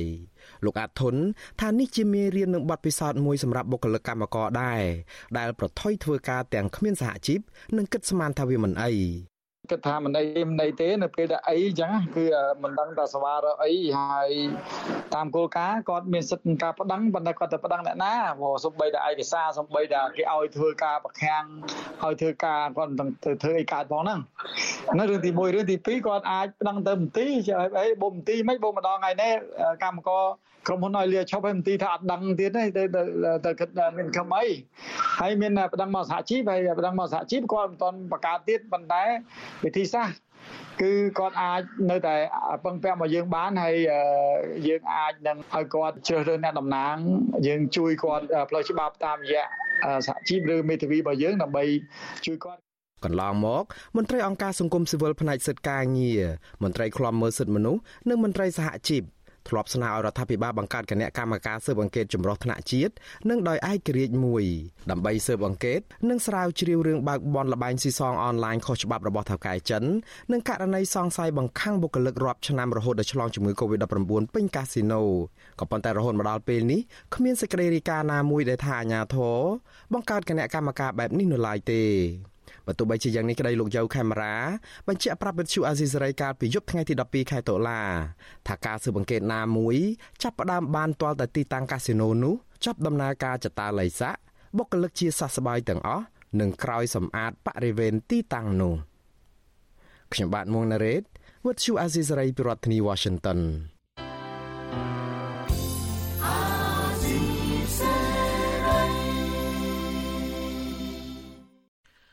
បានលោកនៅនាងកញ្ញាអ្នកស្ដាប់វិទ្យុអាស៊ីសេរីជាទីមេត្រី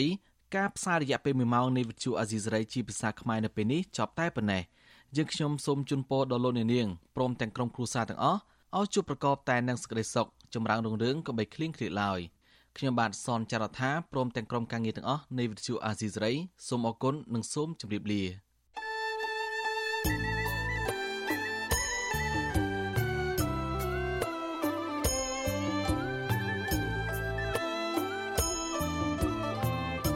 វិទ្យុអាស៊ីសេរីផ្សាយតាមរលក ធាតុអាកាសខ្លីឬ short wave តាមកម្រិតនិងកម្ពស់ដូចតទៅនេះពេលព្រឹកចាប់ពីម៉ោង5កន្លះដល់ម៉ោង6កន្លះតាមរយៈរលក ធាតុអាកាសខ្លី13715 kHz ស្មើនឹងកម្ពស់ 22m ពេលយប់ចាប់ពីម៉ោង7កន្លះដល់ម៉ោង8កន្លះតាមរយៈរលក ធាតុអាកាសខ្លី9960 kHz ស្មើនឹងកម្ពស់ 30m និង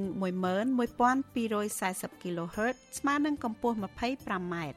លោកអ្នកនាងក៏អាចស្ដាប់ការផ្សាយផ្ទាល់តាមប្រព័ន្ធអ៊ីនធឺណិតដោយចូលទៅកាន់គេហទំព័រ www.rfa.org/ ខ្មែរក្រៅពីនេះលោកអ្នកនាងក៏អាចអាននិងទស្សនាព័ត៌មានវិទ្យុអាស៊ីសេរីលើទូរស័ព្ទដៃរបស់លោកអ្នកផ្ទាល់ សូមលោកអ្នកនាងចូលទៅកាន់បណ្ដាញសង្គម Facebook ដែលមានអាសយដ្ឋាន www.facebook.com/rfa.cambodia និង YouTube www.youtube.com/rfa ខ្មែរ video